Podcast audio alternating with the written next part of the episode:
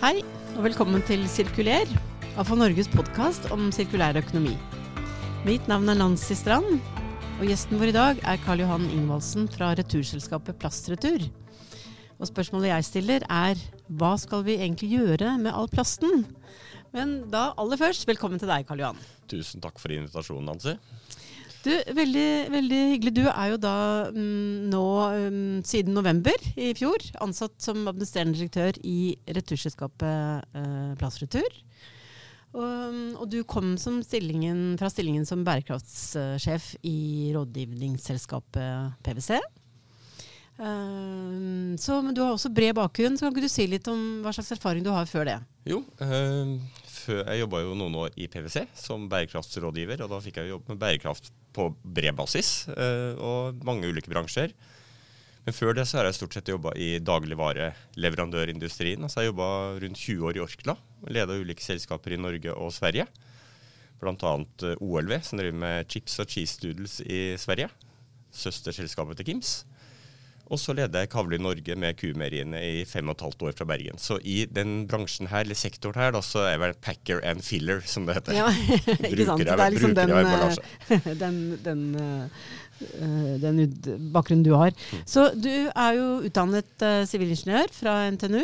Uh, og på hvilket, med hvilken fag, fagområde? Ja, jeg begynte jo som på linja for maskinteknikk, altså bli maskiningeniør. Og så bytta jeg til noe som het industriell økonomi, som var en ganske ny linje den gangen. Ja, mm. Så det er en sånn hybrid mellom økonomi og teknisk bakgrunn. Ja. Men jeg har aldri jobba som ærlig ingeniør. Jeg har aldri jobba med salg og markedsføring og økonomi. Ja, ikke sant. Da fikk du en bra kombo. Mm. Absolutt. absolutt. Bra, bra bakgrunn å ha med seg videre. Men det er jo alltid sånn man lærer jo mer i jobben enn egentlig det man lærte i studiet. Mm -hmm. Ja, men jeg skjønner at du har vært interessert i den koblingen teknologi og økonomi. Da, for du fortalte meg at du også har tatt en, en eh, videreutdanning eh, på BI, Handelshøyskolen BI. Ja, der tok jeg grønn vekst og konkurransekraft for noen år siden ut ifra miljø- og bærekraftsinteressen. Eh, og Per Espen Stoknes holder i programmet, og det er et veldig bra program. Så det kan absolutt anbefales, men jeg tror det er trangt om plassen for å få ja, med der. Jeg, jeg tror også det. Jeg vet at det er flere i bransjen som har tatt og hatt uh, veldig stort utbytte av det. Og For min del så var det veldig nyttig, for da jeg begynte der, så har jeg vært litt sånn pessimistisk i forhold til om det er mulig da å ha økonomisk vekst og drive økonomisk vekst innenfor jordas tåleevne. Altså I de jobbene jeg har tidligere, skal man da selge mer til en økende verdens befolkning. Og er det mulig innenfor det jorda tåler? Og da begynte det der, så var jeg nok Vi stilte oss opp på en linje, da, og jeg stilte meg liksom i litt den pessimistiske enden av rommet, hvor ja.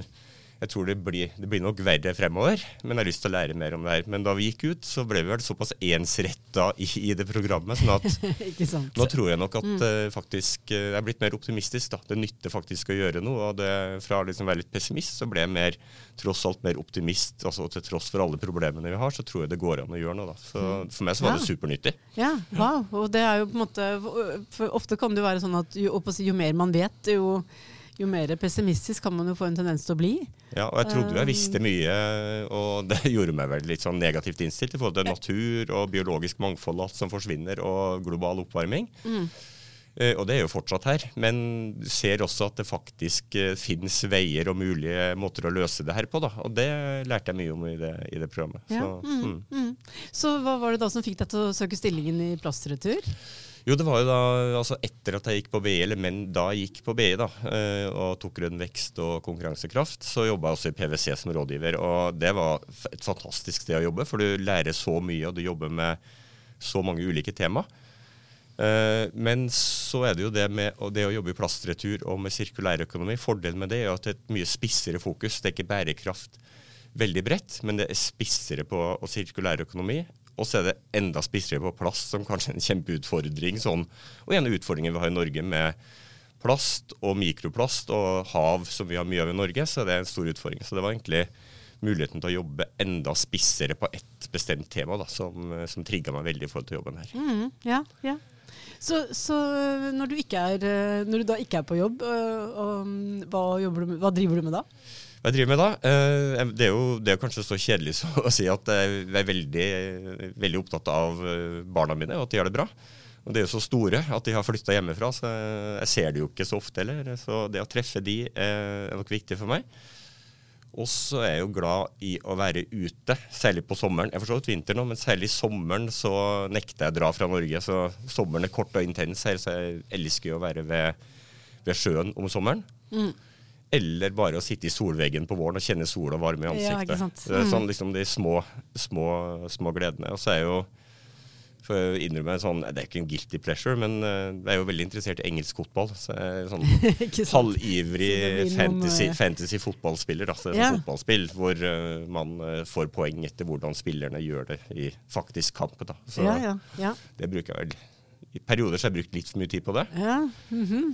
Og så er jeg vel sånn Jeg spiller jo ikke så mye musikk hele tiden, men jeg er veldig opptatt av Bob Dylan. Da. Han er liksom min store helt. altså fra jeg tenker deg for en legenda ned da han sto liksom sammen med Martin Luther King i 1963. Da Martin Luther King holdt den der I Have a Dream-talen, så sto mm. Bob Dylan ved siden av og spilte gitar uh, på, på, det eventet. Og det er 60 år siden, han fortsatt så turnere og spille. Jeg så han sist ja. i Spektrum i fjor høst. Og han holder koken, selv om det har vært mye dårlige konserter de siste 20 åra. Men nå i høst så holdt den beste konserten jeg har hørt på over 20 år. Så det fortsatt. Du har virkelig fulgt ham? Ja, jeg har vært på veldig mange konserter opp igjen. Ja, ja, mm, ja, du.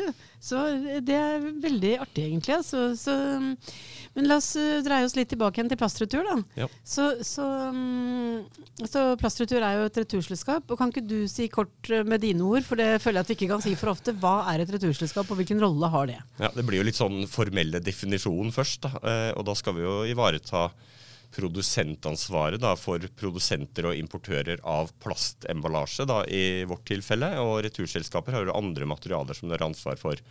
Men plastretur har da ansvaret for å ivareta produsentansvaret for plastemballasje. De som bruker og produserer plastemballasje i Norge. Mm, mm. Så, eh, hva, så, så, hva, er det de gjør i praksis? Jo da, Oppgaven er jo da på en måte å etablere et retursystem da, som er i stand til å oppfylle de målene og de kravene vi har i avfallsforskriften. Og så skal vi da sørge for at uh, plasten kommer tilbake i kretsløpet, og at man når materialgjenvinningsmålene. Og for å få det til, da, så samler vi inn et uh, miljøgebyr eller vederlag fra de som bruker eller da, setter plastemballasje på markedet, som det heter sånn formelt. Uh, og de pengene bruker vi da til å godtgjøre kommunene for innsamling av plasten.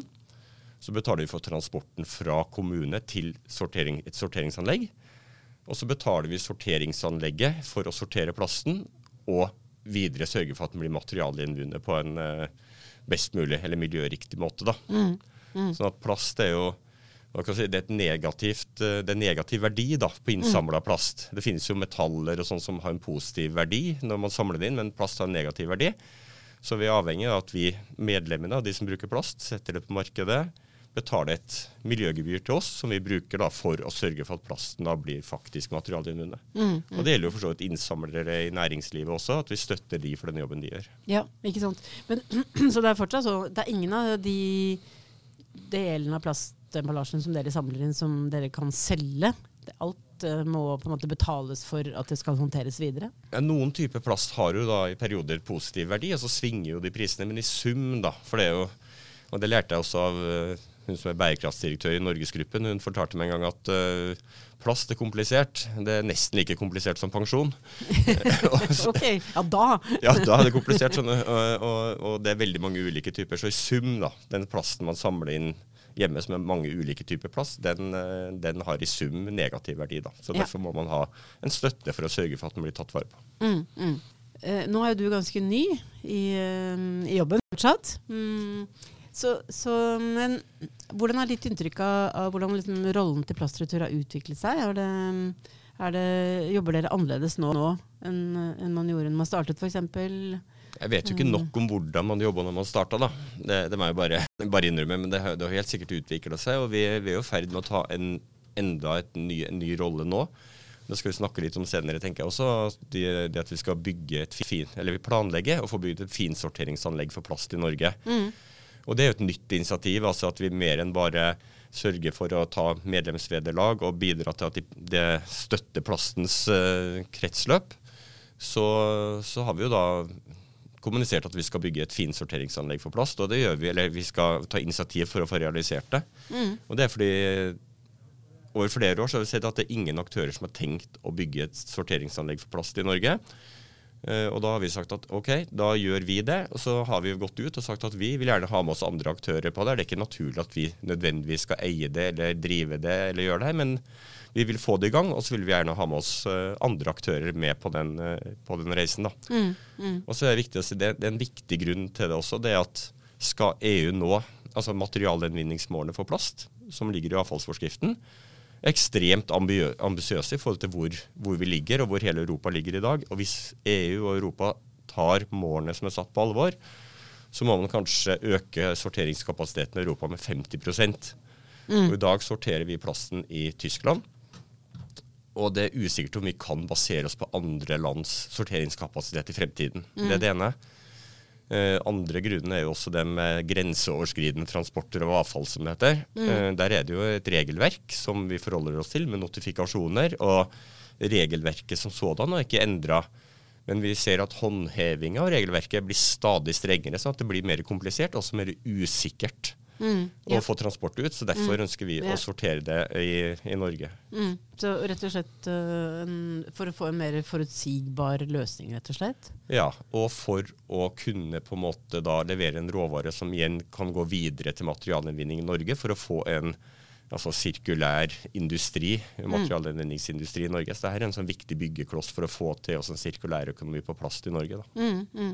Men du, jeg var litt nysgjerrig på, på um, dette med uh, plastløftet. Mm. Ja. Uh, fordi det har vært en litt sånn spennende måte å, å, som har vært kommunisert veldig mye utad også. Da. Liksom sånn for, å, for, å, mobilisere næringslivet til å kanskje altså være med på denne, dette arbeidet på en positiv måte. At det, handler ikke bare om å betale inn et, eh, et, et vederlag eller et miljøgebyr, men at de, at de er med og, og, og, jobber aktivt selv. da. Ja, og jeg tror nok det var et stort behov for det, og det er det fortsatt også, fordi plast er komplisert. Og plastløftet handler jo da om å begynne, begynne, på riktig fot. Altså Det handler om å designe plastemballasjen sånn at den er egnet for materialgjenvinning. For det, det, er veldig mange grep man kan ta som gjør at plasten ikke egner seg for materialgjenvinning. Og så kan man gjøre noen justeringer som gjør at den egner seg for materialgjenvinning. Det er det ene. Det andre vi har fokus på i Plastløftet, er jo å eh, promotere og prøve å få medlemmene våre til å bruke mer gjenvunnet materiale i emballasjen sin. For å få i gang et marked som etterspør uh, gjenvunnet plastemballasje, og som gjør det mer lønnsomt å samle inn og gjenvinne plastemballasje. Og det siste er jo egentlig at man ønsker å bruke mindre unødvendig plast. Altså, så Vi er ikke noe sånn opplysningskontoret for plast i Norge som ønsker å selge mest mulig plast. Vi har et nøkternt forhold til det, så vi ser at man skal ikke bruke mer plast enn man må, men plast har også noen positive egenskaper som gjør at det er så anvendt.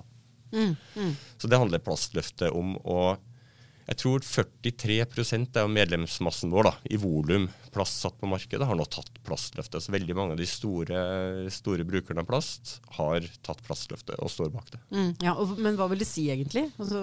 Ja, da, da, forplikter man seg til å rapportere da, på ja. hvor god man er på å designe for uh, gjenvinning. Altså utvikle emballasje som er egnet for gjenvinning. Hvordan man har kutta bruk, og hvordan man øker bruken av gjenvunnet plast i emballasjen. Så da rapporterer man tilbake hvert år? Ja. På, ja. På, mm, mm, og så har vi jo webinarer eh, som har faglig innhold i forhold til tematikk rundt plast og emballasje. Mm, um, du begynte å fortelle litt, for dette vet jeg at du også er, har, um, etter at du kom inn som, som, ny leder, har vært veldig opptatt av. Liksom dette med å få på plass et, et, et, et um, sorteringsanlegg. Så, så hva, liksom, hvor, hvor uh, er vi nå i, måte, i prosessen? Jeg kan begynne litt med en sånn grunnleggende bakgrunn. Da. Utfordringen ja, vår er jo sant, Vi skal gjenvinne 50, altså 50% av plastemballasjen og, og 55% i 2030. Og da må vi samle inn rundt 80% av all emballasje som settes på markedet, for å kunne greie å materialgjenvinne 50 For det er en del svinn og tap i en sånn gjenvinningsprosess. Og så er det jo sånn at Med kildesortering så vi inn, får vi inn mindre enn 50% av emballasjen som selges i Norge. Og Vi har jo drevet med informasjonskampanjer i flere tiår. Og det ser ut som vi har nådd et eller annet metningspunkt under 50% innsamling.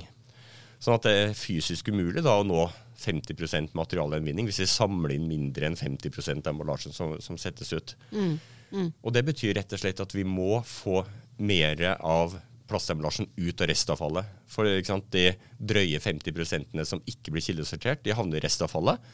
Og da forsvinner de ut av kretsløpet. Mm. Så vi må få tak i mer av den plasten som går i restavfallet. Eh, Roaf og Ivar har jo bygd anlegg som tar plasten ut av restavfallet.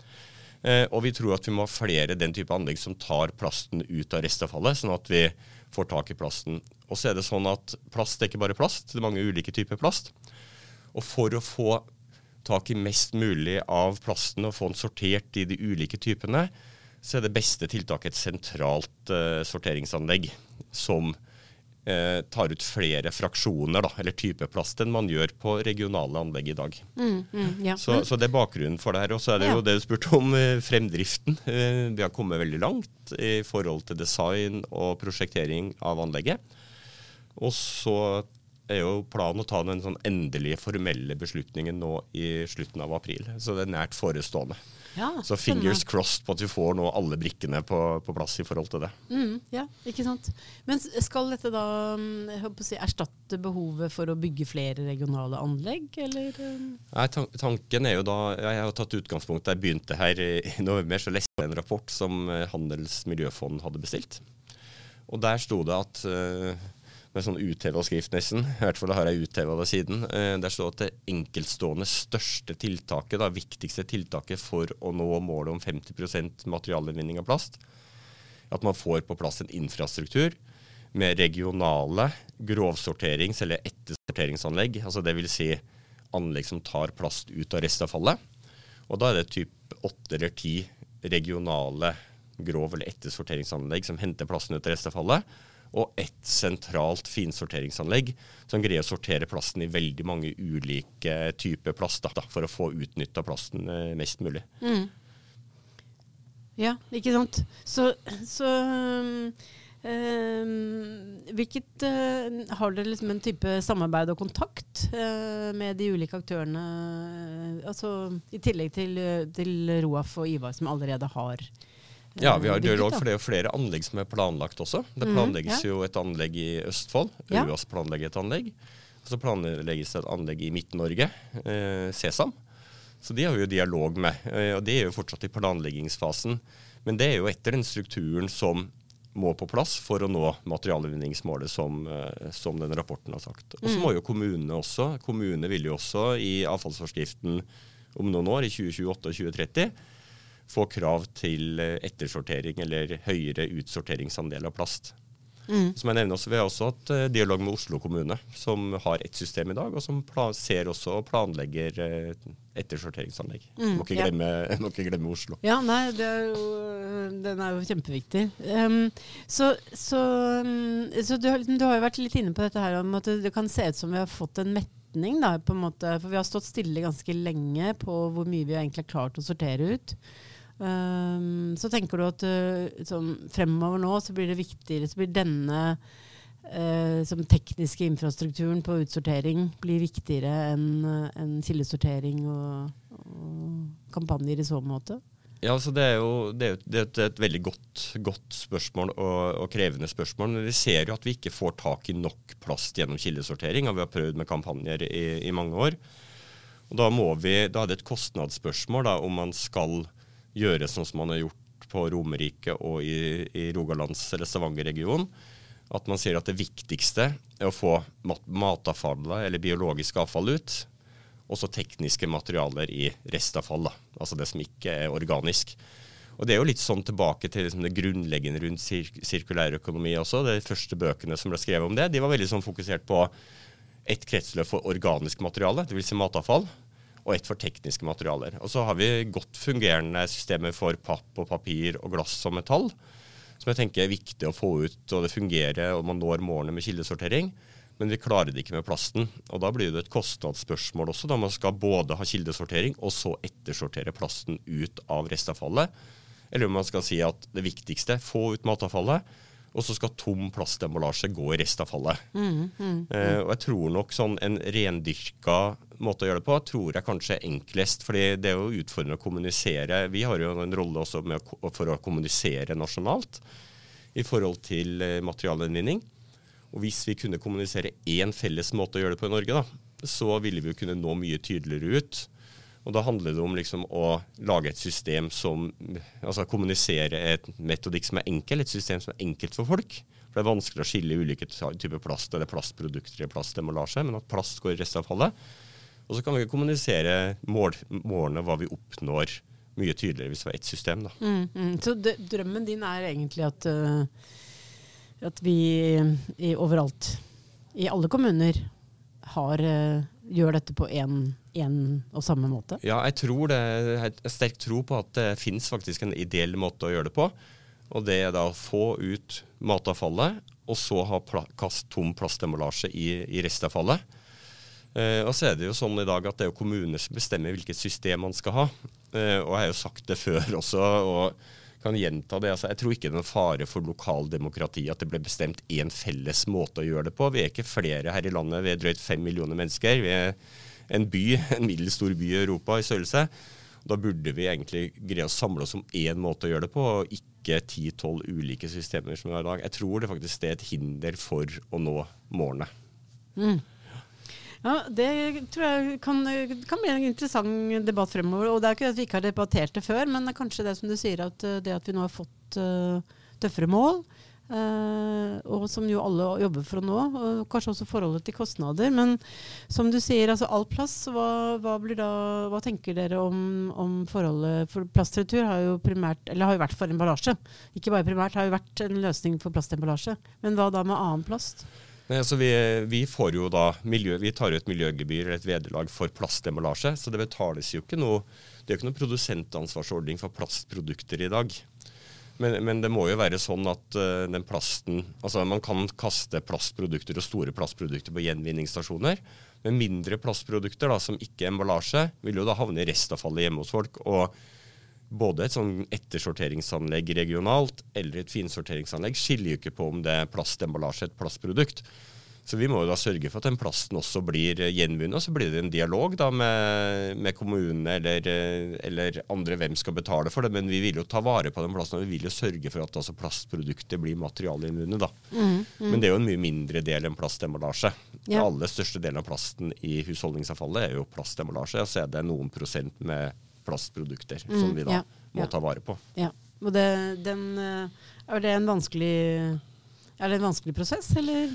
Og, og, ja, finne en løsning for dette? Nei, det, det, tror, det, tror, jeg ikke. Det tror jeg ikke. Det, all logikk tilsier at vi må ta vare på å gjenbruke plasten, enten det er plastemballasje og plastprodukter. og Da tror jeg vi finner en god løsning på det. Ja, Så det å finne liksom løsninger for hvem, hvem, skal betale den siste delen? Ja, og så lenge det ikke er noe produsentansvar noen som betaler vederlag for å ta vare på det, så må vi jo bare da løse det sammen med avfallsbesitter eller kommunene og vi som har produsentansvaret for mm. emballasje. Da. Ja. Det tror jeg vi finner ut av. Ja, ja. det er optimistisk. Eh, notere meg en optimistisk eh, note.